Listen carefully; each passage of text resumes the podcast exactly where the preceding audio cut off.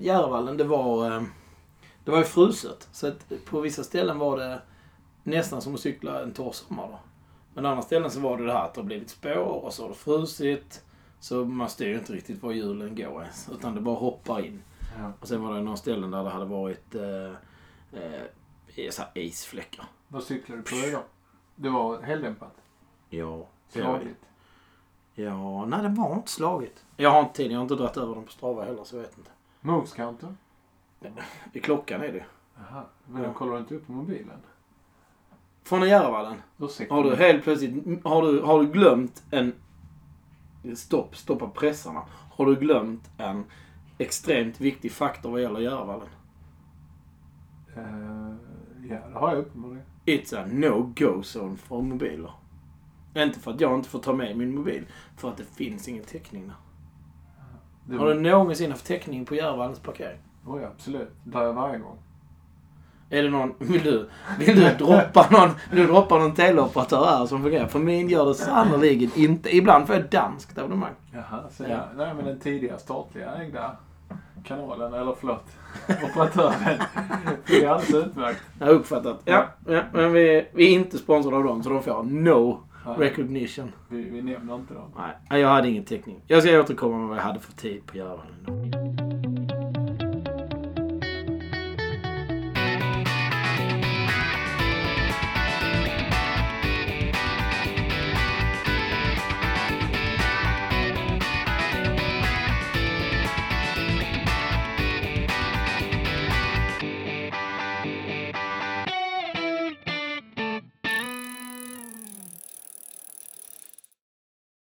Agendan för dagens eh, avsnitt av Skogscyklisterna är regler. Vad är det för regler då man ska förhålla sig till? Är det, alltså, är det statens eh, påhittade regler då som är i skrift eller är det de oskrivna? Påhittade. Ja, men Är det, de så, är det din syn på auktoriteter? Ja, ja. jag är lite... Nej, jag håller det för mig själv. Nej, men Det kanske är Du bäst. fattar vad jag menar. Ja. Ska vi gå tillbaka till eh, den lutheranska läran så var det någon jävel som skrev reglerna, eller hur? Ja, det var det säkert. Ja, det bara där borde jag ha lite koll på med tanke på mitt förflutna i ordningsmakten. Men jag vet faktiskt inte var den svenska lagen kommer från. Ja, jag har hört det någon gång. Men jag, jag tänker faktiskt, när jag tänker på regler så tänker jag först och främst på lagar och föreskrifter. Reglerna är utvecklade också allt eftersom. Men så det vi ska prata om idag det är dels det som står i Sveriges rikslag plus de oskrivna reglerna. Exakt. Allt från högt till lågt. Från det absolut mest basala som står i vår grundlag till det som är lite tramsigt kanske. Det här ska bli oerhört kul att testa, testa det på din kunskap. Om den, har, om den har lagt sig eller om den sitter Ja. fundamentaliskt. Den har inte riktigt, den har inte riktigt varit en del av mitt vardagliga arbete. Ja. Jag tror, inte, inte, jag tror faktiskt inte ens att polisen är tillsyningsmyndighet på allemansrätten. Tror du inte? Ja, Naturvårdsverket kanske? Jaha. Det är, och det blir lokala föreskrifter och sånt för att polisen ska kunna göra något åt dem. Det har aldrig hänt mig. Åk ut och bötfälj de här rackarna för att de är ute i, i icke allemansrättslig rörelse. Nej, det där... Eh, Så hör jag, vi skulle, själv. om jag skulle bli stoppad ute i skogen. Jag säger inte att det har hänt, men jag har hört talas om att en vän har sagt att de åberopar, åberopar rådrum. Kan man säga det på sin cykel också? Det, kom nu ihåg att det är inte killen i filmen som har skrivit brevet, säger jag då. Ja, men det är det vi ska prata om idag, om regler på alla sätt och vis. Men du, eh, bara så, vi måste uppdatera oss lite. Hur går det med cyklingen, Micke? Den har ju legat nere då sedan den 2 december när vi var ute senast. Men det var ju på grund av att jag körde för hårt och eh, Du har slått igenom och sabbat min cykel, tänker Ja, jag. du hade så grym press i benen så du knäckte bakhjulets axel. Ja, det gjorde jag faktiskt. Ja. Ja, och sen var det i... eh, Det, det sammanföll sig så att eh, vi behövde ordna en eh, luftpump också. Förlåt, värmepump till hemmet. Så att alla mina sparade pengar gick åt eh, att... eh, Så där gick julbudgeten menar du? Ja, och sen som en föräldraledighet som har varit rätt så knapp. Allting har varit minutiöst planerat från från våren 2017 och så sket det sig direkt nästan. Ja, men det var liksom, den var kanske inte så knaper förrän eh, från värmepumpen sa upp sig. Tvärtom, det har gjort mig gott. Jag, eh, jag gjorde så här istället att jag tog eh, mitt sunda förnuft till fånga och gick och köpte ett gymkort. Så att jag har eh, cyklat eh, mycket på spinningcykel. Ja. För att få lite volym i benen. Och gymmat. Ja, det har jag gjort. Jag har gymmat. Sa du inte innan att du hade fått ett, eh, ett program? Jo, en tjej eh, som heter Johanna i, i Göteborg som tränade bland annat RIKs damlag. Henne jobbade jag med i mitt tidigare liv och, och hon gav mig ett pass som jag skulle förhålla mig till. Och det har ju varit helt fantastiskt. Jag har faktiskt också jobbat med henne. Om än väldigt kort. Ja, En mycket, mycket trevlig människa. Är mycket. hon inte typ så gammal badmintonspelare något till och med? Jo, hon är... Och varit rätt bra också. Ja, ja, hon har varit yttersta eliten. Ja. Skulle du mot förmodan lyssna Anna så tycker vi du är toppen. Ja, du är fantastisk. Du får jättegärna höra av dig också med lite feedback på vad du tycker om, eh, om att ha jobbat med oss. Eftersom du inte gör det kan du vara ärlig också. Ja, ja. Men eh, hur, hur, får du någon progression på det där med att cykla spinning då? Ja, men det tycker jag definitivt. Ehm, det, det gör ju det gör ju ont beroende på vilket pass man tar givetvis. Om man kör eh, en timme eller om man kör en och en halv timme. Eh, men jag tycker det är bra. Rent pulsmässigt så, eh, så ligger jag nog där jag gjorde när jag slutade. Vi hade ju en intensiv period på vårt cyklande i, i sensommarvärmen. Och sen så blev det väl en höst där vi, där vi sket i de dåliga dagarna. Ja, jag är kvar. Att eh, hösten har upphört. Jag är kvar på dem att jag skiter de dåliga dagarna fortfarande. Ja, okej. Men där var vi inte i somras i alla fall. Så att vi fick nog ihop en 100 mil i, eh, i skogarna eh, under sommaren. Det, det har ju avtagit. Ja. Ja. Nu, mycket på grund av att jag inte har en produkt att cykla på. Det där löser sig med tiden. Men, eh, eh, men jag känner faktiskt inte... Jag har inte gått över till spinning ska jag inte påstå. Men jag har... Eh, jag kan inte riktigt låta bli att tycka att vissa dagar är det inte lika roligt att cykla när vädret är som det har varit. Det har varit, ja men du vet, skånsk vinter. Fyra plus och regn från sidan. Det är ingenting som man... Och det har regnat. Nu har jag fått det bekräftat eh, av typ så här vädertjänster, höll jag på att säga. Men typ meteorologer på TV menar jag när jag säger det. Att det är liksom den blötaste i hösten ever. Och ja, det, det finns ju resultat i många branscher som säger att det har varit ett riktigt, riktigt skitår eller en höst. Inte Har- Vasaloppet. Nej, inte De Vasaloppet. fick skyffla bort en halv meter snö för att det skulle bli åkbart ens. Ja, just det. Och det är kul för dem. Jag tänker mest på lantbrukare. Där vi bor, där är det rätt mycket åkare runt om oss. Där har man ju förstått att... Eh, att Då kan inte ens köra ut på bara, bara ta upp betor nu, det är ju... Eh, det fördärvar mycket. Ja, ja nej, det har varit... Eh, så att jag har... Men sen är det också på vintern har jag alltid gamla synder. Jag vill ju alltid spela lite hockey. Hittat en möjlighet att göra det stående en gång i veckan. Och det är... Det är roligt. Och då för någonting... Och sen är det mörkt så man ska cykla med pannlampa och sånt. Och det går ju. Men det är inte lika roligt som det är att cykla i liksom bra väder eller... Jag ska berätta om en rolig historia, och det, eller en rolig händelse. Det hände nu i veckan. Jag var med eh, min gamla chef, Carl-Johan Kinander. Jag hoppas han också lyssnar på detta givetvis. Eh, vi hade någonting som heter Run and, eh, run and Talk. Han brukar vara väldigt duktig på att köra utvecklingssamtal samtidigt i rörelse. Ah. Det har sina fördelar men... Walk and talk har jag provat. Run and talk kräver att man är på en hyfsad, niv- hyfsat gemensam hög nivå på sin löpning för att inte för att orka prata också. Han var ju min gamla chef. Då hade jag det mer som en, som en grej att jag skulle ligga 10 meter bakom honom för att vi inte skulle förstå varandra. Så det vi, det vi kom överens om, det uppfattade han som att det var konsensus menar jag. Menar på att ja, men det, det, där, där är en bit kvar innan vi är helt överens. Eh, men eh, vi hade vårt eh, lilla exit-samtal för jag har ju sagt upp mig som du vet och börjat på ett nytt ställe. Och det var rätt intressant för då var vi i någonting som heter Ursvik och så sprang vi en mountainbikeslinga. Ja. Och Ursviks Ultra. Ursvik är ju en jättefin, eh, ett fint område som ligger eh, vid, eh, mellan Solna och Sundbyberg i Stockholm. Men, men då fick jag jävlar i mig eh, sug efter mountainbike. Ja. Men det, eh, det räcker att... Förra helgen var jag ute och cyklade och då var det fint väder. Och så vintrigt så här fruset och... eh, Det låg inte mycket snö, men du vet det kommer liksom en halv centimeter snö som det gör i Skåne.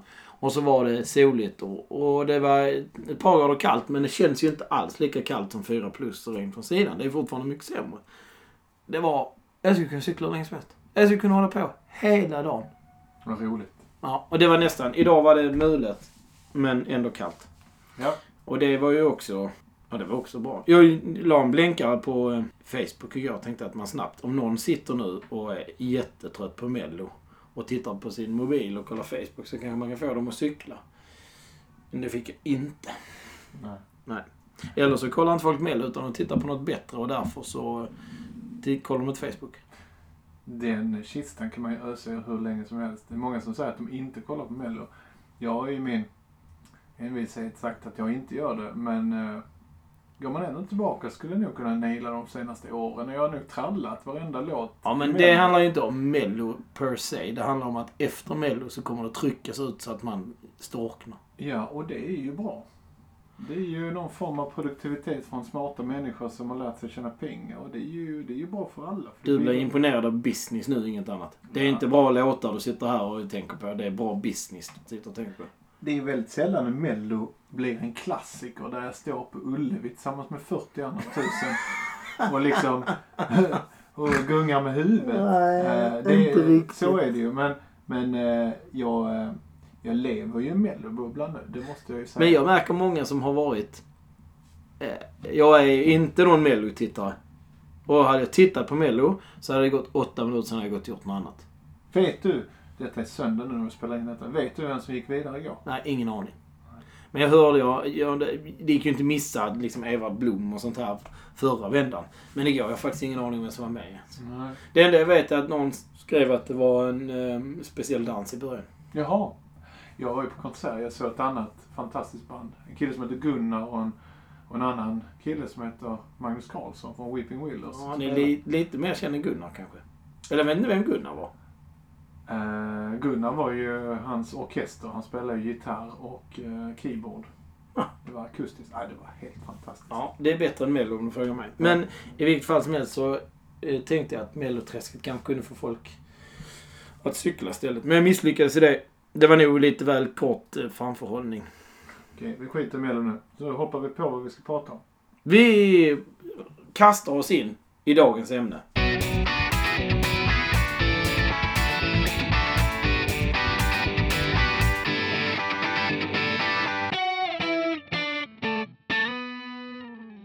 Och det är ju lagar och regler. Och framförallt tänkte jag börja i den enklaste ändan. Och det är trafikregler.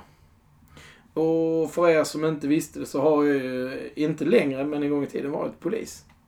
Och jag har faktiskt alltid sagt att trafiken är det som är enklast därför att där är allt reglerat. Att skriva juridiska regler är oftast en, en, en snårig skog att gå i. Eftersom det finns alltid, eh, ja men vi vet alla att man skjuter in sig på loopholes, alltså svaga punkter i en lagstiftning eller liknande. Och det finns det nästan i alla skrivelser idag. Vi har många som har varit dåliga. En som, om man nu pratar trafik, som har blivit tillspetsad på sistone, det här med att hålla mobiltelefonen i handen. Rattsurfa heter det ju populärt. Det har funnits en lag för det tidigare. Det är bara att den var så fluffigt skriven att den inte... Den blev tandlös. Hur, hur eh, menar du att den blev tandlös? Vad var det som gjorde att man kunde svära sig fri? Om man nu... eh, Först stod det att eh, om du använde mobil eller liknande och det hade menlig inverkan på...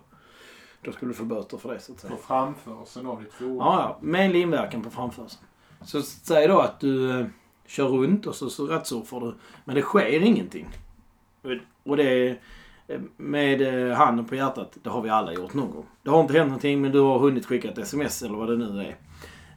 Och det innebär att det inte har inverkat menligt för du har ju inte, du har inte ens varit nära och krocka. Ingenting har hänt. Färden har gått precis som ska. Och då var den gamla lagstiftningen sån att om en polis iakttog dig göra det så var du inte straffbar. Med den nya lagstiftningen ska man då spetsa till det lite grann. Men jag har inte läst den exakt nu. Mitt intresse är lite lägre nu för tiden än vad det var förr. Men eh, jag tror att den fortfarande har någon sån här menlighetsgrej. Att det ska inte vara... Du kan inte... Det blir inte så lätt. Vi får se vad det blir för prejudikat som det heter. Alltså vägvi, vägvisande domar. Men om vi eh, släpper mobiltelefonen och går till eh, trafikregler då. Så som cyklist är det bra att känna till, kunna och hantera trafikregler. Därför att de hjälper dig att överleva. Och nu är kanske de flesta som är intresserade av den här podden, de kanske cyklar i skogen och där är det väldigt sällan i trafik. Men man kanske ska ta sig till skogen eller man kanske cyklar landsväg också. Och okunskap upplever jag från cyklisters sida om trafikregler leder till väldigt många konflikter. I, inte minst i sociala medier. Man kunnat läsa om att man inte är överens om cykelsplats på väg och sådana här saker med bilister och hamnar i bråk som är helt onödiga. Det första jag skulle säga kopplat till trafikregler, det är att vara noga med att visa dina intentioner. Det finns inget mer irriterande än folk som inte använder blinkers. Och det är precis samma med cyklister. Man visar var man ska, var man tänker åka eller eh, gör tydligt att man är på väg någonstans så blir det betydligt lättare för andra i trafiken att, att förstå dig. Och också sök kommunikationen. Sök ögonkontakt eller vad det nu är som gör att du kan kommunicera din önskan och tanke. Sen är det om cykelsplats på väg då. Om man får lov att framföra cykel på väg. Men det ska ske med en viss hänsyn. Så vi pratar i de stora cykelklungorna. De är egentligen inte okej. Okay. Det är egentligen inte okej okay att cykla två i bredd. Och så ser en cykelklunga ut. För skulle man cykla på ett led om man är 40 stycken så blir det extremt långt. Plus att dessutom någonting med något som, det måste jag säga att jag uppskattar med landsvägscykling och att jag gärna egentligen skulle göra mer utav det. Sitta i en, i en grupp och cykla. Det är jättetrevligt. Det är socialt, det är bra motion. Man tar sin tid i vinden och eh, drar och sen så går man ner och vilar lite grann och så är det ett väldigt angenämt sätt att motionera. Men egentligen, alltså per se, så om vi är på en väg där det inte är något extra utrymme, typ vägren eller liknande, så den platsen får inte en cykel lov att ta på vägen. Och det är också lite fluffigt beskrivet, men i essens är det så. Och då kan man ju tänka sig för att om man kanske är på ett vägparti där det är olämpligt för att man tar stor plats och då blir det svårt att göra omkörning och så vidare, så får man cykla på en rad. Och är du då mountainbikecyklist och ger dig ut på en väg, så tänk på att även du kan ha ett behov av att ligga så långt till höger som möjligt. Och sen är jag den första att säga att som cyklande cyklist är ju cykelstigar eller cykelvägar, de som går tillsammans med trottoarer eller liknande, en dödsfälla.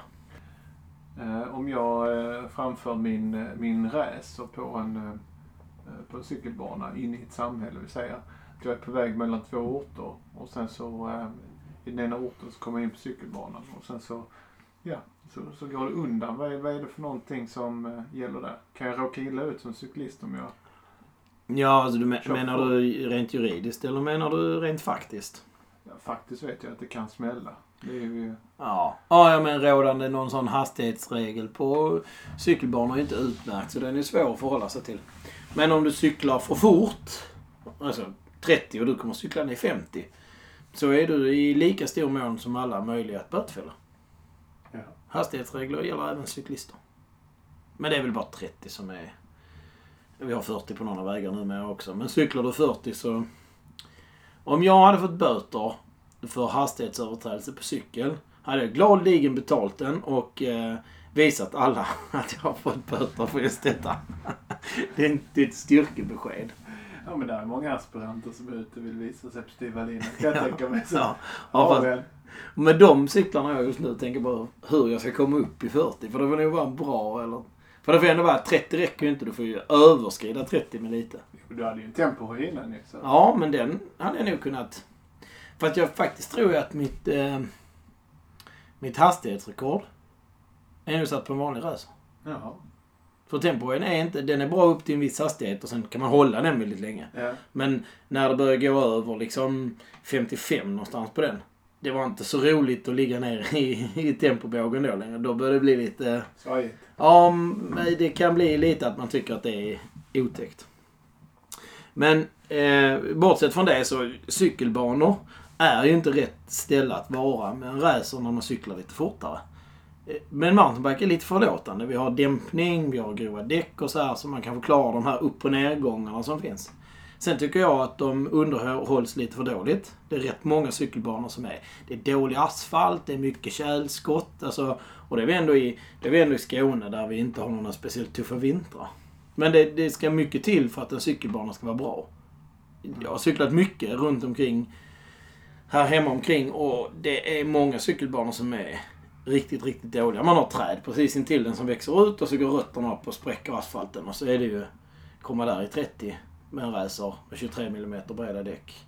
Det är, det är inte kompatibelt någonstans.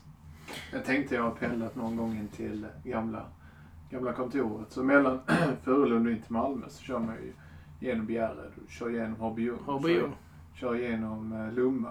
Ja. Sen så in i Arlöv. Så eh, då, då, då cyklar man inne i tätorten. Cyklar inte längs med E6 eller ut på stora vägen. Nej, jag skulle inte... Och jag är tillbaka till tempohojen. Och då kanske man ska vara ärlig mot sig själv. Är tempohoj ett, eh, en cykel som man ska pendla med till jobbet? Nej. Om du sitter i tempobågen så har du ingen bromsar. Nu är ju Tempohoj en, eh, en väldigt nischad produkt. Men det är många som cyklar på racer så som jag gjorde. Ja. Man kan ju också komma upp i högre hastighet på racern. Jo, men du, du håller ändå i så att du alltid kan bromsa oftast. Om du inte är långt, långt ner i bocken och det är väl de flesta inte. Men även om du cyklar alltså med en Monark treväxlad så är det andra faror som lurar på en cykelbana. Ja, elcyklar nu. Till exempel. Ja, får man köra dem på en cykelbana? Det här är ju efter, jag har inte påläst. Får man köra sin elcykel på en cykelbana? Jag tror man får det för den konstruktiv... Alltså, den får ju ha ha en hastighetsspärr. Du får ju ingen assistans efter 25 km i timmen eller vad det är. Jaha. Upp till 25 får du lov att ha elassistans och sen får du inte ha det. Mm. Då är det en moped. Per definition. Elmoped, men ändå.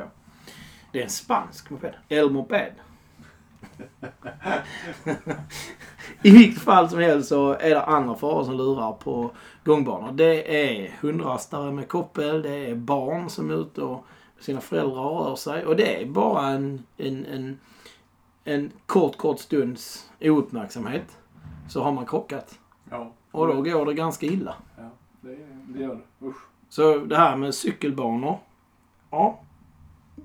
Under för vissa förutsättningar är det ett bra ställe att cykla. Men då ska man cykla på vägen istället och då krävs den här extra hänsynen mot andra trafikanter. Så men vi kokar ner den här soppan. Vi har stått och rört där i en stund. Cykla inte på cykelväg eller cykelstig om ni tycker de är dåliga. Men var beredda att visa extra hänsyn och var också beredd på att ni kanske får avbryta cyklingen och gå en bit för att kunna visa den hänsynen. Så att det kanske inte blir det bästa alternativet ändå. Eh, en annan bit är bilisters skyldighet. Och där tycker jag kanske att vi som är cyklister, eller som cyklar, och då gäller det faktiskt även den som enbart cyklar i skogen, Börja med att ta ut det önskemål om eh, hänsyn som man har när man är cyklist och ta med dig det när du är bilist. Och tar du inte med dig det bara till andra cyklister, utan ta med dig det till andra trafikanter. För min erfarenhet av 11 år med trafikolyckor, inga av dem mina egna då, utan andras trafikolyckor. Det är att om alla visar lite mer hänsyn och inte krävde sin plats så sjukt mycket i trafiken, skulle vi inte krocka lika mycket heller. Det är bättre att komma fem minuter för sent till sitt möte och släppa fram någon som har företräde, än att ta en chansning i rondell och smälla. När man smäller i rondellen kommer man tycka att fem minuter sent hade varit mycket bättre. Är det dessutom ditt fel att du smäller, ja då kan det bli en tråkig historia på många sätt. Då kan det bli att man... Du kan bli av med körkortet. Till exempel. Det var sjukt tråkigt. Trafikregler där, men bilisters skyldigheter gentemot cyklister är ju att de är skyldiga att visa eh, hänsyn på samma sätt som man är mot andra trafikanter. Eh, företrädesregler och sånt där gäller helt ohämmat. Även cyklist mot bilist, eller bilist mot cyklist, men nu vill. Men där är ju en springande punkt. Det är att bilar är hårdare, cyklister är mjuka. Så man vill ju inte krocka med en bil. Eller, ja, jag vill inte i alla fall. Nej, det, det gör ont. Vi skippar det. Men ändå, som en sammanfattning på det här med trafikregler. Om du är osäker på dina skyldigheter och rättigheter i trafiken, ta reda på dem. Ta reda på vad reglerna verkligen är så du med förtroende kan ge det ut och då kan du också veta vad du behöver göra. Och sen är det väl det klassiska kristna talesättet, vänd andra kinden till. Ha lite större tålamod med dina medmänniskor så i en evigt tidsspann kanske de också har det med dig. jag känner bara att utvecklingen i trafiken är negativ. Och det är det jag menar med de här sociala medier där jag har läst så många cyklister som är så förbannade på bilister. I all rätt. Några gånger. Men också helt fel. Helt tokigt. Jag förstår att du moraliskt vill ha rätt, men du har helt fel juridiskt. Det här är väldigt intressant, för det är lite så katten på råttan. Eh, det har varit incidenter nu, till exempel nere i Genarp, där, där eh, naturälskare har varit ute och gått och så har de stört sig på cyklister. Och sen så går det till nästa steg från cyklister stör sig på bilister. Ja, Ja. ja, ja men och det, det, det tar oss in på nästa lag som är allemansrätten. Och cyklingen i Genarp var ju föremål för i veckan för eh, inslag i P4. Eh, där en boende ute i Genarp, jag har tappat hans namn bara för det, men han var jätteirriterad. Han tyckte att cyklisterna, mountainbikecyklisterna ute i Genarp, de förstörde allt. Och det var verkligen allt. Och där är ju några stycken. Oh ja, det, det är är extremt väldigt- populärt. Det är ju väldigt många cyklister ute i Genarp. Och det man ska säga är att i i Genarp, för er som är en bit ifrån eller för er som är i närheten och inte känner till det ändå, så är det ju anlagda stigar för cykling. Och de är på alla sätt eh, legala, framför de är utmärkta och sköts för att vara farbara med cykel på bästa sätt. Eh, de är bra. Tekniskt utmanande, roliga. Långa är de för att vara i Skåne får jag väl säga. De är längre än många andra utmärkta slingor.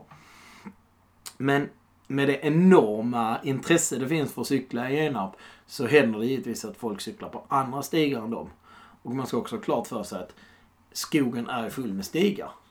Eh, märkta, omärkta. Och hur stigarna uppkommer, det är en sån där fråga som kanske tvistas om i det här fallet. Men det är antingen djur som går på stigar och jag vill ändå tro någonstans att i Genarp är det nästan mer människor än djur. Så är det förmodligen människor som har trampat upp dem för Men är vad var det? För incident då som föranledde den här radiointervjun. Ja, det vet jag inte. Han, han bor ju där ute och hade blivit jätteirriterad på att det var så mycket cyklister. Och hade också gjort analysen att de stigar som har funnits där cyklisterna helt plötsligt trampar fram med den här blöta hösten som har varit. Så har man förstört de stigarna. Och han hävdade, tror jag, att en liten djurstig hade blivit 3-4 meter bred. Och det finns ju förvisso fatbikes som har däck som är en decimeter breda i sämsta fall. Men det är rätt många fatbike I bredd. mönster i bredd som skulle skapa 3-4 meter. Ja. Men givetvis var det, det var emotionellt för honom. Han var jätteirriterad. Han var rädd för att hans barn, han bodde där ute då i närheten, och var rädd för att hans barn skulle bli påcyklade av någon vettvilling på velociped. Mm. Eh, och sen tyckte han också att det störde när han var ute och gick i skogen och rörde sig så, så kom cyklister dundrandes i 30 km i timmen. Och då kände jag genast att det har inte med mig att göra för så fort cyklar jag aldrig. Nej. Nej, jag har inte riktigt den- Inte jag. De benen har inte jag. Nej, men eh, skämt åsido. Man får väl förstå hans eh, frustration någonstans. Men det kändes som att det var väldigt fullt av överdrifter. Jag blev själv lite irriterad eh, när jag hörde inslaget. Först läste jag det på och sen var jag tvungen att lyssna då. Jag blev lite irriterad för det var liksom... Han hade valt någon bild där, där det fanns ju hjulspår i, i någon geggamoja där. Och där är ju kanske partier, och det vet jag själv ute i Genarp där jag själv har cyklat, att det kan komma ett parti på tre meter som är bottenlös gegga. Men du tar dig igenom den för att ta dig till stigen som ser bra ut på andra sidan. Där det är, det är ju inte roligt att, att cykla den där bottenlösa geggan. Det är ju ingen som vill göra det egentligen. Nej, framförallt inte med respekt för material. Ja, fast även med... Om man tar bort den respekten, för den kan vi... Vi kan sitta och prata om den till döds- döds dagar, men det är inte roligt heller. Du skrattar inte dig igenom en lerpöl som är en och en halv decimeter djup. Det är ju skittråkigt. Så jag tror det där är liksom inte... Det lockar inte mest folk, en sån leopard. Men nej, och sen blev det ett svar från stiftelsen Mountainbike i Skåne. Som svarar om och, och förklarar att det är en folkrörelse att folk kommer ut i skogen. Och att de väljer att cykla mountainbike i skogen är fortfarande en positiv grej. Och likadant hade, eh, om det var Naturvårdsverket eller Länsstyrelsen, men de hade uttalat sig att eh, exploateringen, eh, utvecklingen och eh, sättet man körde slingorna på var helt i enlighet med hur eh, naturvården såg ut i området. Det var ingenting som avvek där. Men man kan säga i allemansrätten att det står att man har rätt att cykla i naturen. Eh, och då står det, det står beskrivet som både i naturen och på enskilda vägar. Och enskilda vägar kan ju vara, tänker jag, grusvägar och sånt här. Och det står också på att en markägare får inte lov att sätta upp skyltar som förbjuder cykling på enskild väg. Så cykling är tillåten även på enskild väg. Och skilj då på enskild väg och privat väg. För privat väg får man inte lov att cykla på. Nej. Och det ska vara utmärkt om det är privat väg då också. Mm. Det står faktiskt också, jag gick in på Naturvårdsverket och jag ska lägga en länk till det. Man ska undvika mjuka stigar, särskilt på våren och hösten när det är blött i markerna. Man ska undvika att cykla över känsliga marktyper. Som lavmarker och berghällar med mossor och lavar, mjuka ängsmarker, mossar och kärrmarker. Och man ska anpassa körsätt efter underlag. Det ska man göra ändå, för annars ramlar man. Kan jag berätta? Det har jag testat. Har du? Ja, någon enstaka gång sådär. Åt huvudet? Nej, det var faktiskt, nej, det var inte med en mountainbike. Så det var inte i eh, naturen. Eh, och sen så står det också att grovmönstrade däck lätt skadar stigar och ömtålig mark. Och det ligger något i det. Det är därför vi alla, det får vi alla tänka på tycker jag. Eh, att vi, vi vill ju ha kvar våra stigar. Och om vi sliter upp dem så. Det där är också en sån grej. För jag vet att i samband med X-cup så cyklar man i Ängelholm i ett naturreservat där. Och det vet jag att det var något år, det är flera år sedan. Så var det diskussioner om att eh, ja, men det var väl också boende eller naturentusiaster som tyckte att en cykeltävling i en så känslig biotop, det var dåligt. Men då visade det sig att eh, mer pålästa folk som även satt med beslutsfunktioner vad gällde den här naturen sa att det här är det mest positiva som kan hända därför att det är skyddat på grund av de fåglar i det här fallet.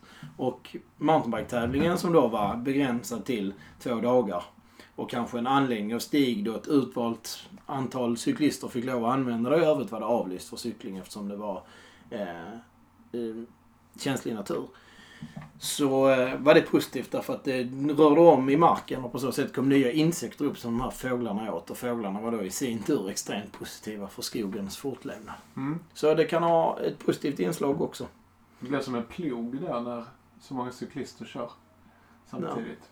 Men det är också så, nu är det jättemånga, det har ju spridit sig lite och jag vet ett par stycken som går kurser för att få bäst, på bästa sätt göra stigar bäriga för cykel och så här. Men det var ju han i Genarp jättekritisk till att man slängde ut makadam i skogen. Det fick man absolut inte göra. Och det gör man ju för att ge bärighet till stigen. Så jag vet inte, det, det känns... Jag är ju ingen naturprofessor men det känns ju bättre att slänga ut lite makadam och inte förstöra på en liten, liten bit. Än att förstöra och sen gör man en ny... blir det att folk cyklar lite om den trasiga stigen. Mm. Och så blir det lite skadat där. Och så cyklar man lite om den när den blir för mycket. Och så förstör man en ganska stor yta ändå. Och då vill jag säga till er som cyklar sidan om dragna leder. Sluta med det. Om det finns en eh, dragen led med mountainbike och den är för svår för er att cykla. Så kliv av och gå. Skapa inte alternativa leder utan leden som är lagd är gjord på det viset. Och finns det ett problem eller en svårighet på den så är den gjord för att vara ett problem eller en svårighet. Så är det för svårt, ta er över bäst ni kan, öva och bli bättre. Men förstör inga hinder. Ta inte bort stockar som ligger över eller små kullar som är mitt i någonting där det blir betydligt svårare att köra. Det kan också vara en stor utmaning för den som är lite bättre. Så antingen välj alternativa spår om det finns och finns inte det, kämpa med att ta er över de hinder som finns. Väldigt, väldigt bra sagt. Men då tänker jag att det här handlar ju lite om eh, att vara goda kamrater med sina medcyklister. Och att vi alla är ambassadörer för mountainbikesporten.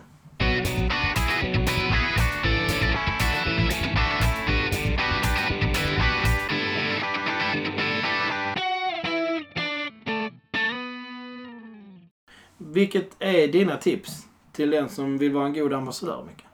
Ambassadör för cykelsporten då menar du? Ja, och kanske främst mountainbike då. Det är framförallt att eh, uppträda väldigt artigt. Eh, och man, man sitter ju på, eh, på en hoj då som går betydligt snabbare än den som kommer gående och då, då får man ju sakta ner. Det är inte någon världsrekord som ska slås ute i skogen. Tyvärr har det blivit så att många kör förbi en i, i väldigt hög takt när man är själv ute och går. Och det kan jag tycka är, eh, är förkastligt för är man ute på en träningsrunda så behöver man inte slå just det segmentet där det kan finnas barn eller det kan finnas djur i närheten så eh, man ska faktiskt ta eh, och visa en stor portion hövlighet när man sitter på cykeln. Eh, Ska vi inte kunna sammanfatta det till att man alltid säger hej till folk man möter? Och är man alltid säger tack till den som kliver undan på stigen för dig eller kanske håller i sin hund för att du ska känna dig trygg? Jo men det är det. Och, eh, jo, men det, det, det tycker jag nästan är. Det sitter i ryggraden att man bör uppträda.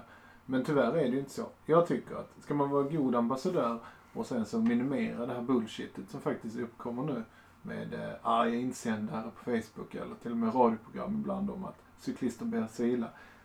Fan, se till att eh, uppträda och, och ta det försiktigt när gående kommer.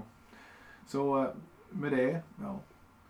Och sen kan man också säga, jag håller med om att på en träningsrunda, det gör inte mig så mycket på en träningsrunda om jag får stanna. Alltså jag, visst jag missar mitt eh, kom på Strava, det gör jag kanske. Men det är ju inte hela världen. Därför att jag anmäler mig faktiskt till tävlingar där jag har förutsättningar för att tävla. Och skulle någon kliva in på stigen när jag tävlar skulle jag faktiskt bli sur. Mm. Om någon inte säger att det är cykeltävling och då är den ju ordnad så att det skulle irritera mig. Men passa på att anmäla er till en tävling. Anmäl er till den nivån ni har på möjlighet att tävla. Och tävla. Få rätt förutsättningar. Slipp ha eh, hundrastare eller lekande barn i spåret och få lov att köra fullt. Mm. Men gör det på tävling och på träning så då tränar vi och då visar vi hänsyn. Idag när jag cyklar så cyklar jag över på den sidan där eh, slingan från mountainbike inte går på Järvallen. Var ute vid sjöarna. Ja, för att värma upp. Sådär. Cykla lite lugnare. Och där är det väldigt mycket hundägare. Och eh, jag har ju själv varit hundägare. Och är det någonstans som cyklister kan inte mycket regler. Det kan jag, den, den, den bilden skulle jag kunna skriva under på att det finns många cyklister som inte är medvetna om trafikregler till exempel. Eller som i alla fall väljer att skita i dem. Men hundägare kan inte heller riktigt mycket regler om, om hur de ska hantera sin hund i naturen och med andra människor. Och med det sagt vill jag säga att det finns något som heter strikt ägaransvar. Så allting en hund gör är hundägarens fel. Skulle en hund springa ut i trafiken och någon får tvärnita för den så att den krockar med en annan bil. Då är det inte den som tvärnitar som gjort fel. Det är den som har släppt ut sin hund i trafiken. Så då är man vållande. Och då skulle jag som en som en före detta hundägare till alla nuvarande hundägare. Jag har fortfarande hund i huset men det är inte min hund. Det är inte mitt ansvar. Det är min sambos. Men eh, eh, som före detta hundägare till alla hundägare nuvarande. Visa respekt genom att faktiskt ha koll på er hund. Och inse att det alltid är ert ansvar. Och behandla cyklister likadant som ni behandlar ryttare på häst. För det är samma sak. Det krävs inte så mycket från en hund för att en cyklist ska bli rädd att ramla. Och när man ramlar så kan man faktiskt slå sig ganska svårt. Och en annan, om ni nu tycker att allt det där är dravel och cyklister får skylla sig själv. Så den cykeln jag sitter på, den kostar 50 000 kronor. Om den går sönder för att en hund hoppar på mig så kommer jag kräva den personen som äger hunden på 50 000 kronor. Och den, det kravet har jag all juridisk backning i. Då har du lite till ytterlighet här men ja, förstår. Om man alltså tycker att vi får skylla oss själva, Ja. så tänk på din egen plånbok. Så att cyklister ute i skogen har också rättigheter. Korrekt. Ja.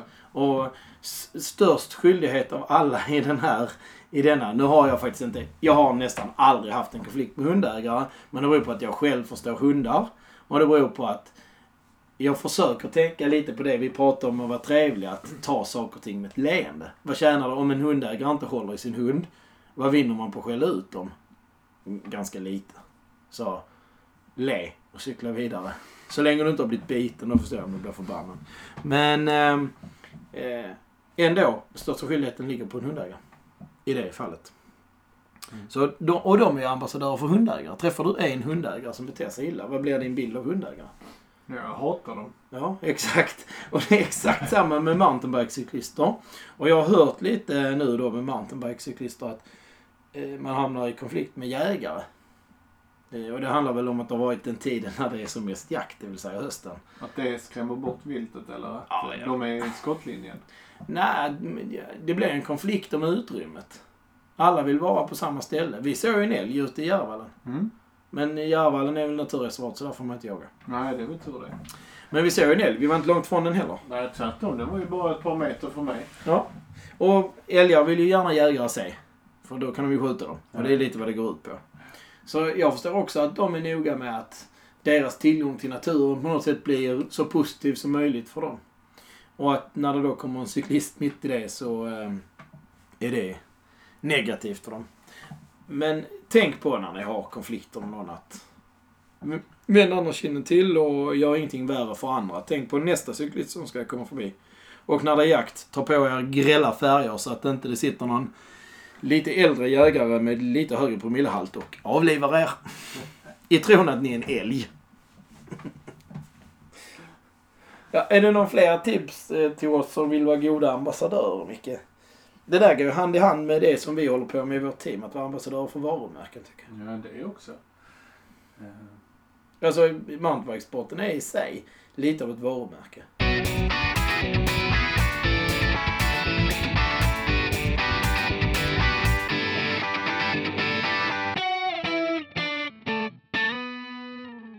Ja, grälla färger all ära då, men eh, det finns ju faktiskt lite risker med eh, mountainbike i övrigt. Hur kan man nyttja sitt eh, sätt att vara för att dra ner på riskerna eller skapa en bra miljö för sig själv? Jag tycker personligen att när man kommer till en, eh, kommer till en parkering när man sen ska ställa bilen för att cykla så eh, brukar jag hälsa på så många som möjligt. Eh, och det har sin fördel för skulle jag då be mig ut själv så, så kan jag ju faktiskt råka illa ut. Men då är det ju folk som har sett mig och, eh, och kan hjälpa till att hitta mig om jag skulle trilla så illa så att jag faktiskt blir medvetslös. Ja, eller Ja, bara bryter benet inte kan ta dig därifrån. Det kan Ja, hända. Exakt. Mm. Eh, sen kan jag ju tycka att en sån här banal sak som eh, sociala medier, att man eh, taggar. I det fallet här så är det ju fantastiskt bra att faktiskt tagga att jag är just nu i, eh, i Orup exempelvis, eller om jag är uppe vid, vid eh, Eksjö och ska ut och cykla så, så kan man tagga och så helt plötsligt så har man inte hört av sig på ett par timmar till, eh, till sina närmsta. Ja. Och om man är förväntad så, eh, så är det jättebra för då har man faktiskt en liten, eh, eh, en li- liten igenkänningsfaktor. Att här var jag nu för ett par timmar sedan. Sen nämnde du Jocke någonting om en app ganska nyligen. ja, jag ska testa en app som heter Yo Motion. Där man kan eh, lägga ut att eh, man ska ut och träna. Och så kan man få andra att hänga med. Det är bara socialt så. Men jag har inte provat den än. Eh, jag blev uppmärksammad om den idag. Så att jag ska... Mm, det ska bli spännande att se vad den kan eh, bidra med. Your motion, då innebär det alltså att jag som användare lägger upp, jag vill ha sällskap. Och då säger vi att jag vill ha sällskap nere vid Regnbågsbanan i Malmö. Ja.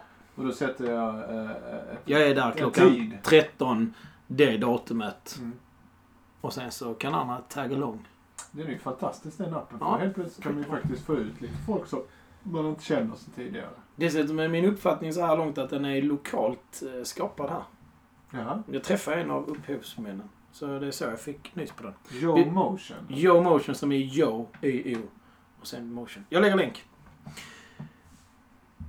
Men eh, sen det där med att vara trevlig och sånt, det kan ju också göra att... Eh, jag kommer ihåg du sa en gång Micke att du ska alltid ha en slang med dig när du eh, cyklar ut. Ja, För att ge den till någon annan.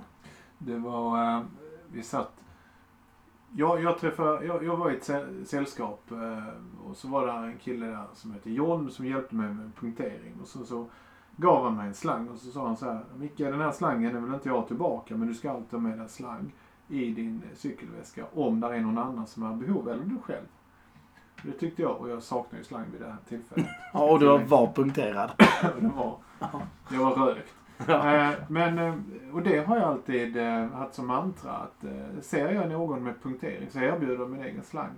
Och eh, försöker på något sätt alltid påvisa det när man startar. Att ha alla slang med sig, ha alla en patron med sig alternativt en punkt med sig.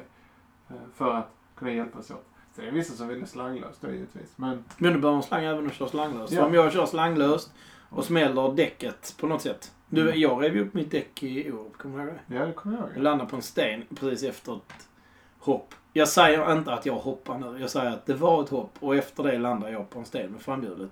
Och då sprängde jag liksom däcksidan. där var flygtid så du skulle kunna få in en tv-bilaga från Sydsvenskan precis under. Ja, då har du ju faktiskt hoppat. Ja, ja, du är generös. Det är roligt att du är det. Det var inget hopp. Men jag smällde ju däcksidan. Nu var vi precis i mål när detta hände så jag gjorde ingenting. Men eh, det hade aldrig lagat. Det gick inte. Det läkte inte av sig själv med, med punkagegga. Så där hade jag behövt en slang egentligen. Ja. Och då hade det gått att cykla vidare. Och det handlar ju kanske om att ta sig hem. Men jag tycker just det här att tänka på att jag har en slang för att kunna erbjuda någon annan hjälp. När man råkar ut för tekniska bekymmer. Tänk och om du då har betett dig trevligt mot alla som du har mött eller kört om. Då kanske de vill hjälpa dig. Men om du är en skitstövel så flinar de och kör vidare. Ja, just det. Men jag tänkte att vi skulle gå över till... eh, För när vi, vi har pratat om det ett par gånger. Att, och så har vi pekat på våra bröder och systrar på eh, och sagt att de är lite skitnödiga med sina regler. Och då säger vi regler och så är vi lite flummiga. Vi, vi drar lite på målet om vad det är för regler. Men det finns faktiskt the rules of cycling. Eh, de har florerat under lång tid. Om du tittar på jag tror vilket etapplopp eller e- endagsklassiker eller liknande här nu när våren kommer på Eurosport så kommer du höra Roberto Vacchi som ju är... Han kommenterar OS nu. Mm. Han är nestor av kommentator. Ja, han är kanske världens bästa kommentator i alla kategorier. Ja, där, är, där är några stycken. Niklas Holmgren som kör fotboll. Han är inte... Ja, han är också dålig. grym. Men som Lasse Granqvist kommenterar ju inte så mycket längre. Nej, det är lite synd det. Så de som, är, de som har varit här riktigt, Arne Hegerfors var grym på sin tid och så vidare. Men eh, Roberto Vacchi han är grym. Han kan prata mycket om de här reglerna. Oh, ja. Och Anders Adamsson som sitter som expert med honom är ju lite av en eh, konservativ cyklist. Så att han har väl sina... De har sin syn på regler. Vad som är snyggt och vad som är fult handlar det oftast om. Och de, det som är, som är snyggt och fult är sprunget ur de här Rules of Cycling. Och de är numrerade alla. Eh, hela. Var det här härstammar ifrån, det skulle jag vilja... Det skulle kunna vara som en lyssnarfråga. Om någon vet var Rules of Cycling härstammar ifrån skulle jag gärna vilja veta det. Eh, för det, det känns som att det har ett gammalt ursprung. Och det har säkert snickrats på de här under åren som har varit. Eh, någon av reglerna är tramsiga. Men man ska inte glömma att cykling är liksom sådär. Det är ju en, en sport med anor. Och början har varit en helt annan. Och då har reglerna också haft en annan betydelse än vad de har. Jag menar Tour de France från början. Det var ju inte en, en cykeltävling på det sättet. Det var ju ett, en eskapad, ett äventyr. Det som multisport är idag. Ja. De drack vin. De stannade på värdshus och åt under etapperna. Regler var liksom, ja vad fan du vill bara du tar dig i mål. Och det var ju också, de som var med där var ju vildhjärnor och äventyrsgalningar. Så om man tänker på cykeln som sport och att det är de vi tänker på istället. Så eh, kanske det är lite mer rimligt att man satte några regler för cykling. Men du pratade ju i början här nu av ditt utlägg om regler, alltså hur man ser ut nästan. Alltså, Ja, det är bland annat och det. Anders de pratar ju lite om här med hur man ser ut och då, då finns det ju mer eller mindre creddiga Ja. klädregler. Men det pratas ju också om annat sånt här. Jag tror inte jag, jag har inte med den bland mina favoriter men det finns ju en regel som säger never leave the big ring. Alltså växla inte ner till lilla klingan. och jag vet, jag har sett något sånt YouTube-inslag när, de, när någon av alla de här som YouTubers på cykel gör någon sån här, de cyklar med något proffs. Ja. Och ja men rätt tidigt i stigningen som cyklar och en respektingivande stigning vi pratar om. Då växlar man ner på lilla ringen ju. Det är den kraften man har som motionär. Att man behöver ner på den lilla ringen. Liten ring fram ger eh, lägre utväxling. Det är lättare att cykla upp ska vi säga då. Och jag tror det var Alberto Contador. Som tittar på den här, eh, den här rapporten och så bara oj. Du är på Sissi-ringen. Direkt innan de ens har börjat klättra. För övrigt, Albert Contador. Jag måste ta ett sidospår där. Jag eh, eh, var och lyssnade på eh, Mattias Räck Ja. i veckan Ja. som var. Eh, alltså de siffrorna, de, den, den kapaciteten som de här. Det var Alberto Contador cyklade upp från en stigning på Mallorca som eh, han berättade om. Och pratade värden och sånt där. De kommer jag inte ihåg och vi behöver inte prata om dem. Men alltså hur han cyklade ifrån sina lagkamrater. Och då körde de tävling. Och om jag minns rätt så tar den 10 minuter att cykla upp för. Och de tävlar upp för den då i, i januari här någonstans när de är på träningsläger. Han, han förnedrar ju sina lagkamrater. Och då tänker man bara så. I, eh, I vilken kommun hade han lämnat mig? För alltså de andra är ju proffscyklister. De är ju grymma fortfarande. De har ju cyklat sönder en SM-klunga. Vi pratar riktigt, riktigt bra. Och han lämnar ju dem med hundratals meter på ingen tid. Jo, men det finns ju talang i cykel också. Det är ju inte material där. Nej, nej. det klart ju, det, det finns ju övermänniskor, tar man en sån som Peter Northug exempelvis, som är, är en övermänniska. Han hade precis, blivit precis lika bra på sin storhetstid som i vilken sport som helst. Alberto Contador, han är också en sån Ja. Jag såg, eh, övermänniska. jag såg från OS idag såg jag eh, Nils van Pols, heter han så? Något sånt. Svensk som eh, har eh, Du menar, short, inte short track, utan långdistansåkare. fem kilometer. Ja. Vet du hur lång tid det tog? Nej. 6 och 19. Ja. De kör all out i 6 och 19. Ja, de måste ha en sinnessjuk syreupptagningsförmåga. Mm. Jag är rätt säker på att han hade blivit en, med teknik då given också, blivit en übervass barncyklist.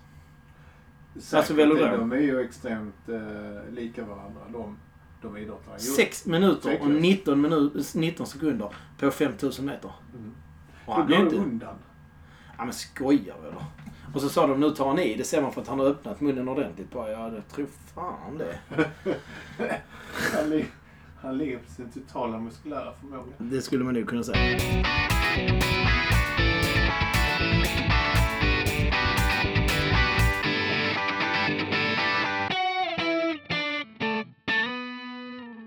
Tillbaka till reglerna då. Och det är en jättebra regel att kliva in på i listan. De första är precis som i lagtext egentligen. De är lite, det är en ingress där du ska följa reglerna och reglerna är det viktiga och så vidare. Men på femte plats kommer HTFU, eller Harden the fuck up. Eh, sluta lipa, skulle man kunna säga på svenska.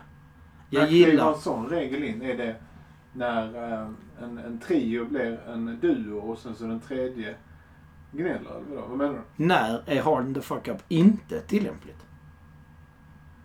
Eh, När du är skadad. Ja.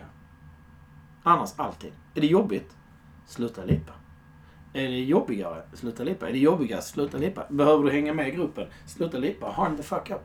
Den regeln gäller ju oftast de som ofta kommer med bortförklaringen att de har varit juniorlandslagsmän i badminton eller något liknande. Nej, det här var jag väldigt bra på innan.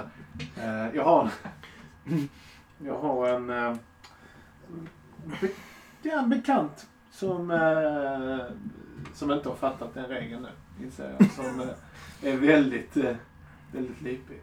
En ny bekant. En, eh, en medarbetare sen. Och jag träffade honom för första gången i veckan. Det går inte längre. Om man skulle lyssna skulle han förmodligen känna igen sig redan. Men jag har faktiskt, det här har gått så långt så att på eh, eh, toppkappen på min cykel, där man, du vet ovanför styrstammen Ja, i gaffelröret. Där har jag en sån liten guldfärgad och sen så står det med lite fräcka bokstäver. Står det hashtag HTFU. Ja. Den ska jag ha och titta ner på varje gång jag är trött. Den är bara för den som läser det där och då. Den är grym. Regel nummer sju, hoppar vi säger, jag väljer mina favoritregler här. Den handlar om solbränna. Och då heter den att, på engelska heter den Tannines must be cultivated and kept sharp. Så det betyder att när du tar av dig dina cykelbyxor och ser ut så som Gud skapar dig, har du fortfarande cykelbyxor på dig i form av solbränna. Ja. Det är inte okej att försöka... Du ska inte försöka sola bort det. Om du måste ligga och solbada, vilket du inte gör om du är en riktig cyklist, för då cyklar du givetvis istället. Jag hör det. Då måste du köpa badshorts i samma längd. Jaha, intressant. Ja, den tycker jag också är bra. För mig handlar den jättemycket om ID. Och mitt ID som cyklist är ju att jag har solbränna efter att vara cyklist. Det gäller givetvis cykel. Sleevesen upp till också. Ja, det gäller givetvis armar också. Inte bara ben. Pannan också. Vad fan har du för hjälm? Ja, men jag tänker mig att man är ute och sen så har man en, eh, goggles. Du, ja, du har en hjälm som eh, inte har skärm fram till. Tänk dig en sån här pockhjälm liksom, eller en gammal skatehjälm eller något liknande. Så Ja. blir det liksom en pottfrilla, fast du har inte frillan där, utan du har liksom den här randen. Så har du högt hårfäste så ser du Så kommer det se väldigt... Jag får väldigt roliga bilder framför mig. Ja, men ja, ja, ja. Men alltså du säger brännan, okej. Nu är vi inne på oskrivna regler. Du kan inte bli bötfälld här. Om du Nej, det ska ju komma stilpolisen kommer. Det kommer mycket hårdare sådana sen. vet mina pigment, de är ju mer liksom så grisaktiga. Så att, Men det står ingenstans att du ska vara brun. Det står bara att linjen mellan bränd och icke bränd ska vara skarp. ja, okej. Det gör också enklast genom att alltid ha lika långa cykelbyxor. Jag hade en sommar när jag hade rätt tidigt, jag hade inte råd att köpa hur mycket som helst som vanligt. Så att man, jag köpte liksom de cykelbyxorna jag köpte sen fick jag använda dem. Och av en händelse blev de ena lite kortare än de andra. Så jag hade liksom en skarp linje och en lite mindre skarp linje efter sommaren. Det kändes inte bra. Nej, jag förstår Nej. Man vill vara en riktig cyklist. På eh, plats nummer åtta säger den att sadel, styre och däck ska matcha.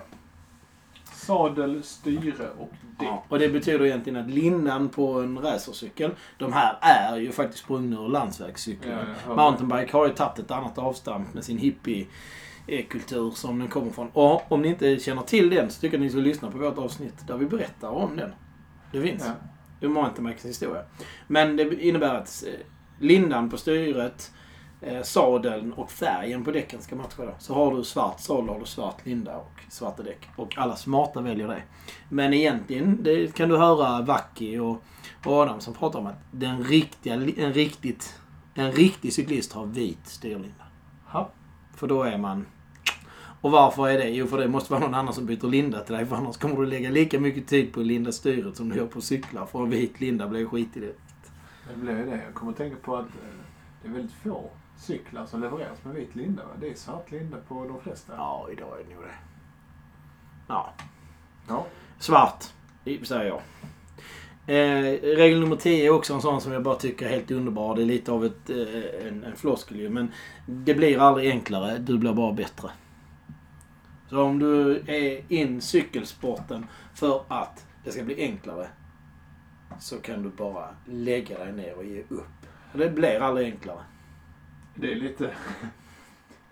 Det är lättare att eh, lära en, en lång cyklist att bli bra än en kort cyk- cyklist att bli lång.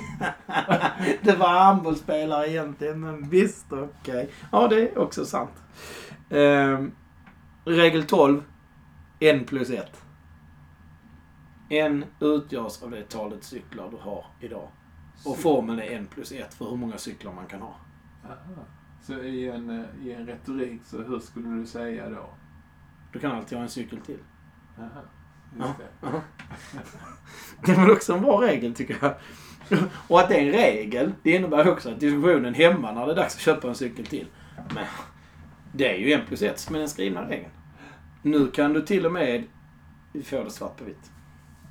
Jag ska, jag ska lägga en länk även till de här alla 95 reglerna. På engelska kommer de vara. Men regel 14 är jag glad för. Det är shorts är svarta. Cykelbyxor, cykelshorts, är svarta. Jaha. Det är regeln. Det är många som inte lever efter den. Har du funderat på hur det ser ut när man ser eh, vita eller... Det finns ju Astus La Mondial, ett proffsteam på landsväg som har bruna byxor. Det är bra om man har diarré, men i alla andra fall är det dåligt.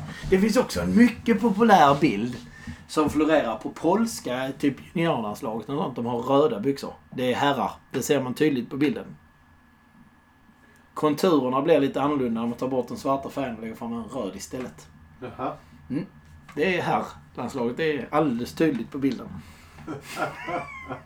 En banan och en bralla. ja, så shorts är svarta. Jaha. Ja.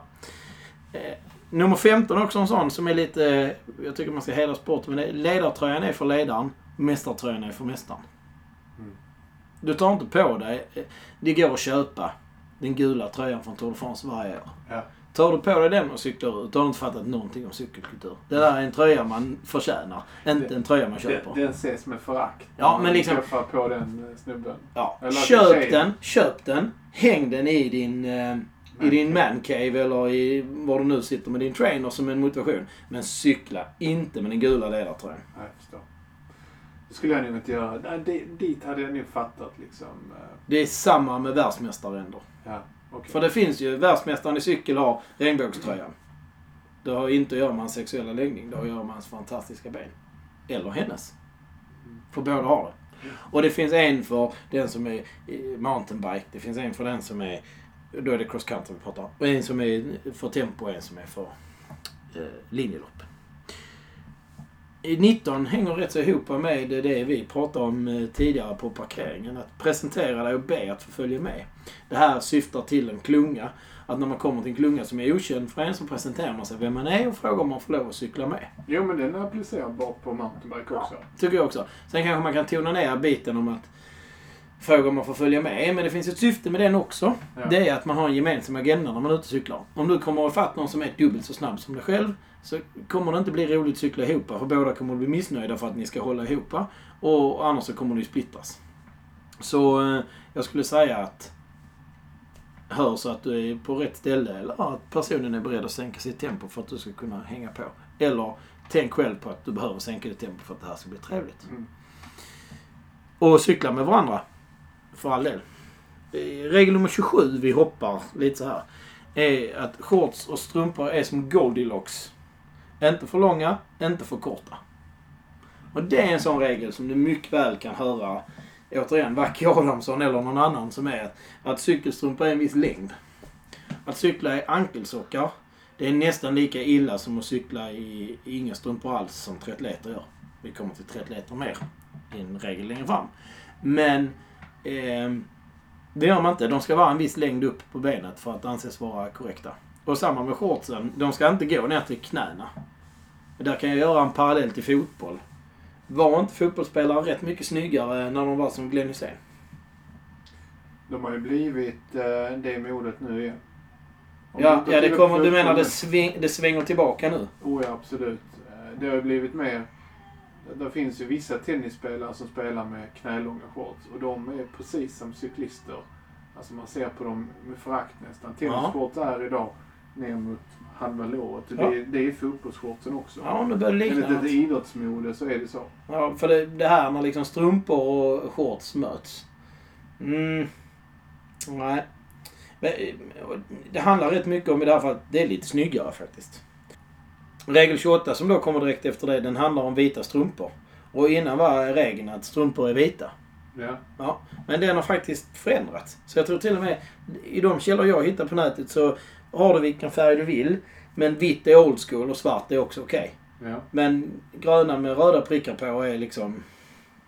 Mm. Nu när man utcyklar i skogen så ser man ju, ser ju röda med rosa prick- prickar på och du ser alla mönster du kan tänka Vi kommer du ihåg från julklappsavsnittet när jag sa att det hade varit roligt att ge liksom smurfarna strumpor till någon som har lite svårt för detta.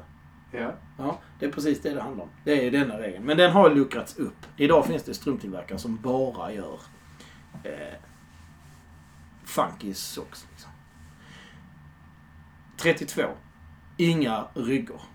Och inte ha vätskerygg är regeln. Och då säger jag bara nej, nej, nej, nej. Du får visst ha vätskerygga. För om man inte dricker så dör man. Och sen är det faktiskt skitpraktiskt. För på mountainbike kommer du inte riktigt undan. Men jag förstår, och jag får nog hålla med om att det är inte speciellt snyggt på en landsvägscykel. Det ser fel ut. Jaha. Tycker du? Jag tycker du säger... Ja, men jag, jag, jag gillar ju praktiskt. Jag är praktiskt lagd men eh, jag förstår inte. Praktisk och Alltså, pragmatisk. men idag är det ju, ja, fruktansvärt. Ja. Men, i, men vad fan. Det är ju skitbra. Idag, idag ser ju de här ryggorna riktigt snygga ut. Där är ju, de här Uswe-ryggorna är ju helt fantastiska. De smälter ju in i dräkten liksom. Kan de göra, men fortfarande på en, på en landsvägscyklist. Jag tycker så konstigt. På en, jag skulle säga en mountainbikecyklist utan ryggar ser nästan konstigt ut. Ja, precis. Då, ser det ut, då ska det vara Nino Schurter eller Julian Absalon som tävlar och det är en timme så den behövs inte. Men liksom se någon som cyklar långdistans eller etapploppen, Beskidi eller eh, Cape Epic, vilken den må vara. Eh, där är ju liksom ryggan en... Den är lika naturlig som en hjälm. Så vi säger till 32 säger vi slopa regel 32. Ja, skit i den fullständigt, Ja. säga. Skit i den. Regel 33 är Keep your guns clean, det vill säga raka dina ben. Och den är jag beredd att ta. Är du en riktig cyklist så rakar du dina ben. Det finns ju mycket orsaker till att raka benen. Jag hörde ju alltid så här, men eh, det är ju för om man skulle Vurpar man man eh, rispar benet ordentligt så är det lätt att göra i ordning. Liksom. Då Ja, det är lätt att hålla såret rent. hålla såret Och det rent, kommer ja. läka snabbare, säger de också. Ja, ja, ja, ja, ja, ja, jag kept mig eh, guns clean förra sommaren Ja. ordentligt. Och det var många samtalsämnen på den helt plötsligt. Ja, du. Det var det. Fan vad det, det och det, folk ser det. Folk lägger märke till det. Oh, ja. Jag sa bara så här, nu på vintern så kan jag inte så noga med det där. Och när jag sätter mig på trainern och tar på mig ett par korta byxor, för det gör man ju aldrig ute nu när man har långa byxor. Och när man sätter sig på trainern och tar på ett par korta och ser sina håriga ben sticka ut ur ett par cykelbyxor. Det är bara så fel. Det ser så fel ut. Det är fult. Sen är det också, om du verkligen är cyklist och du går all in i det, då rakar du benen. Sen finns det faktiskt, de gjorde, det finns ett test som är gjort. Jag tror det var Specialized som testade. I sin vindtunnel. Då de gjorde ett test på en rätt så hårig cyklist och sen rakade de honom och så gjorde de mätningar där. Och det visade sig att på 40 kilometer i 40 kilometer i timmen, vilket är ganska fort, skulle han spara eh, x antal 4 eller 5 watt.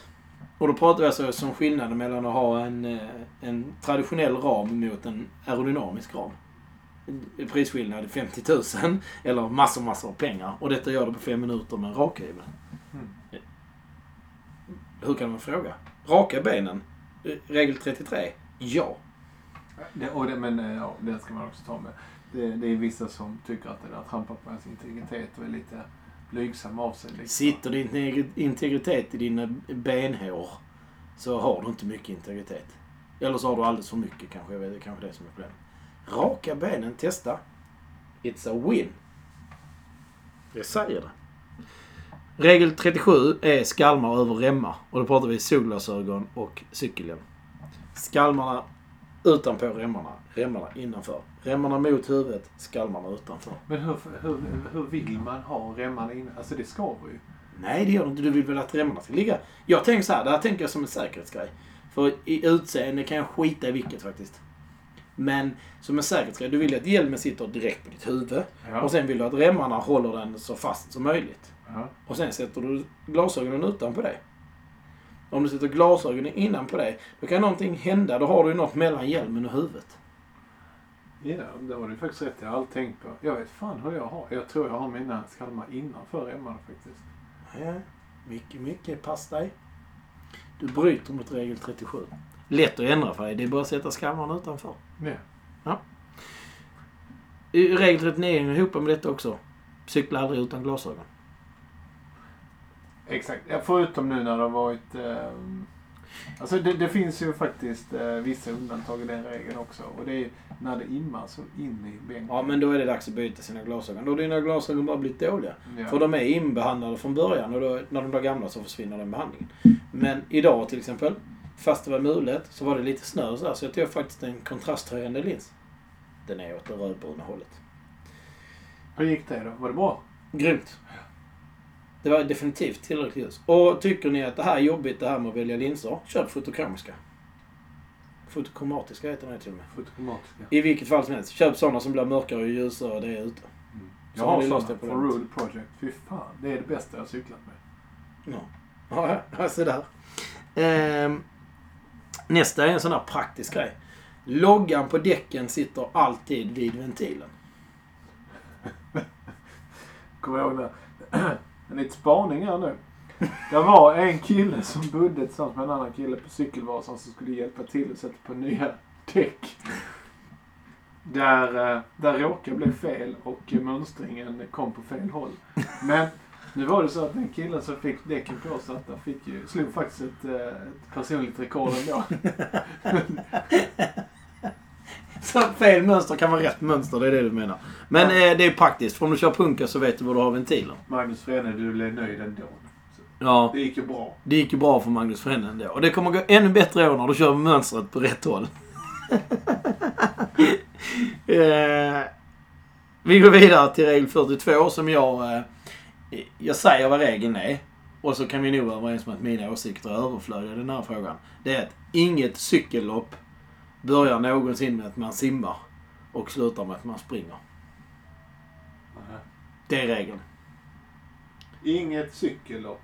Börjar med att man simmar och slutar med att man springer. Ah, nu fattar jag. Ja, ja, ja, ja, ja. Nej, det är ju triathlonlopp som ja, är så. ja, men de kallar det är inget bike race då. Och jag hävdar nu heter det ju bike split. Men eh, om man börjar tappa respekten för triatleter som cyklister så ska man nog gå en sväng i ödmjukhetspåsen och äta lite grann. Aha. Vem vann till exempel SM för damer tempo för två år sedan? Lisa om det. Exakt. Shut the fuck up alla cyklister. En triatlet slog jag. Ja. Jag tror säkert att Patrik Nilsson också hade kunnat blanda sig i en toppstrid. Eh, ja. Jag tror att det finns flera triatleter på världsnivå som hade kunnat vara med i ett VM och placera sig. Än vad det finns cyklister som skulle kunna gå in i en triathlon-tävling Ja, och blanda sig. ja, jag har lite svårt att säga de här överkroppssvaga, om jag nu får vara lite så, skulle hävda sig i simning överhuvudtaget. Ja, ja, men det är sant. Och så är de lite nertunga sådär. Så. Regel 58 tycker jag är jättebra. Support your local bike shop. Ja, den är jätteviktig. Där har vi ju en i, i denna kommunen som heter Lödde cykel, cykelhandlaren Lödde. De är Ja. ju fantastiska. Ja, eh, jag skulle alltid om jag gjorde det här komma till svaghet och cykelhandlar därför att jag har jättehöga krav. Men eh, er cykel, lokala cykelhandlare blir aldrig bättre än vad de får möjlighet att vara. Om alla skiter i att handla där så kommer de aldrig bli någonting. Alla cykelintresserade som har barn de måste göra ett sommarjobb någon jävla gång. Så det är rätt skönt att ha cykelhandlaren där som kan köra en del av utbildningen när det kommer till cykelbehandlingarna. Ja. Ja, och eh, gå inte någon annanstans och köp er barncykel eller om, om nu er respektive kanske vill ha en pirra och dra till ICA med. Nej, Så köp den hos er lokala cykelhandlare. Finns de inte kan de inte hjälpa er med eh, ert akuta behov. Regel 67. Ta din del av vinden. Det betyder ta din föring i klungan i det här fallet. Men vad jag menar är, hjälp till. Var en god kamrat. Vi är tillbaka på slangen egentligen. Det är mentaliteten jag är ute efter. Är man sitter väldigt inte- landsvägsspecifik här. Ja, det är ju de här reglerna tyvärr. Men om du bara sitter på tredje hjul hela tiden, då är du ju ingen bra kompis. Nej, nej, det finns ju lite stories om de eh, män, kanske någon kvinna också, men de män, Mest män tror jag. ja, det tror jag också, som eh, har betett sig svinaktigt. Framförallt Vätternrundan har jag Ja. hört att vissa har trott att här kan jag ligga. Fast det går i en stor grupp. I- Alltså på min erfarenhet av landslagscykeln. Kommer sådär så är det 8, 10, 12 någonstans. I alla fall 12. Ja, där kan du ligga rätt länge innan någon tycker hej, hej, det är din tur. Är det en lite mindre grupp får det nog ta lite tid. Men man ser ju ofta, om man pratar om tävlingar, att vissa vill inte ta sin vinst. När de har en breakout på 3-4 personer så är det en som kanske inte har tillräckligt bra ben för att ta sin föring. Detta är någonting som ligger mig varmt om hjärtat. Det är ju det är ledarskap och eh, hur man är i grupp. Och, eh, det är väl ungefär samma, samma fanskap till människor som eh, alltid gnäller och, och aldrig steppar upp. Ja, jag tror, I en cykeltävling tror jag nog att det kan vara rätt hårda killar som har en dålig dag också. Men det är sånt som är... Men om du nu är motionär, hjälp till. Var med, var med liksom i, i communityt. Ta din del. Jag nu rekryterar så ska jag börja cykla och ska be. Se vem som tar vind. Exakt. Just det. Där har vi dem. Där har du lagspelare. De andra jävla överlöparna. Men eh, om man kommer till tävlingar. Alltså jag längtar verkligen efter att få titta på cykel på TV. För det är, cykelsporten är så mycket mer. Så titta på cykel och se det för att vara mer än att bara... Kom inte med dopingtjafset och eh, se inte det bara som att de cyklar från A till B. Utan se spelet som finns i eh, cykel och inse att det är en lagsport. Sista regeln. Sista grejen för idag. Regel 77. Skräpa inte ner. Nej, fy för er som skräpar ner. Finns det många cyklister som skräpar ner? Oh ja. Det finns Eh. jättemycket. Och, nej, det, det, det är någonting som vänder sig i magen varenda gång jag ser någon kasta sin, eh, sån här uh, gel eller... eh, ja, Och så kastar annat. man den bara. Och det gäller även eh, vissa som snusar och kastar. Man stannar för att eh, ta dricka efter eh, en, en tids cykling och så tar de sitt eh, pekfinger och skickar ut snusprillan rätt ut i, i skogen. Bara, bara en sån sak. Ja. Det, det finns inte. Och där har vi också mycket där med relationen med andra. Må vara vandrare, jägare eller vad det är. Skräpar vi ner och man ser att det ligger gelförpackningar. Det är ju knappast en jägare som sitter och trycker i sig kondenserat socker. Nej, Det är ju bara de cyklister. De, dricker ju sprit liksom. Ja, det är ju också... Det är kolhydrater det också. Ja. Har du, tänkt, har du tänkt på detta? Du kanske skulle göra små shots som man kan dricka när man cyklar? Ja. Det ser inte ut som att du tar till dig av denna idén. Nej, inte alls. Men eh, vi släpper det så säger vi. Släng inte er skit. Och har man cykeltröja eh, eller jacka så har man eh, fickor. Stoppa ner möget i dem och så får ni i sådana fall, blir det klistrigt, då får ni faktiskt tvätta era kläder, vilket ni borde göra ändå. Skita inte ner. Sista regeln, nästan bästa regeln. Definitivt att skräpa ner, då ska man ha bank. Alltså riktigt mycket med stryk. Du, eh, det här blir ett långt avsnitt, men det är viktigt. Känner ni att det är någon regel vi har missat, eller har vi tolkat någon regel helt uppåt väggarna? Var inte rädda för att höra av er. Eh, De som har hört av sig har faktiskt blivit bönhörda. Vi har till och med gjort hela avsnitt för att eh, please our listeners. Ja, det, där finns eh, en hel del samtalsämnen på, eh, på lut. Det handlar bara om tid och, och få till de här inspelningarna. Men vi kommer definitivt göra så att vi, vi lyssnar. Det, det kanske är rent ut sagt så någon som har en väldig, ett väldigt behov av att, eh, att höras. Då får man givetvis komma med någon gång. Ja, ja, ja, ja, vår dörr är öppen.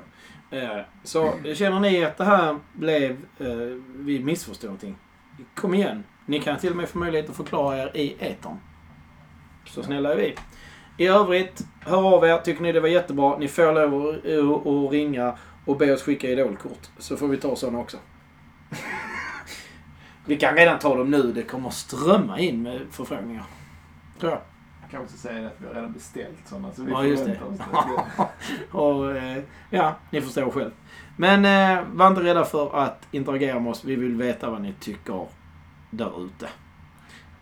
Ja, då tackar vi för idag. Cykla lugnt. Tack.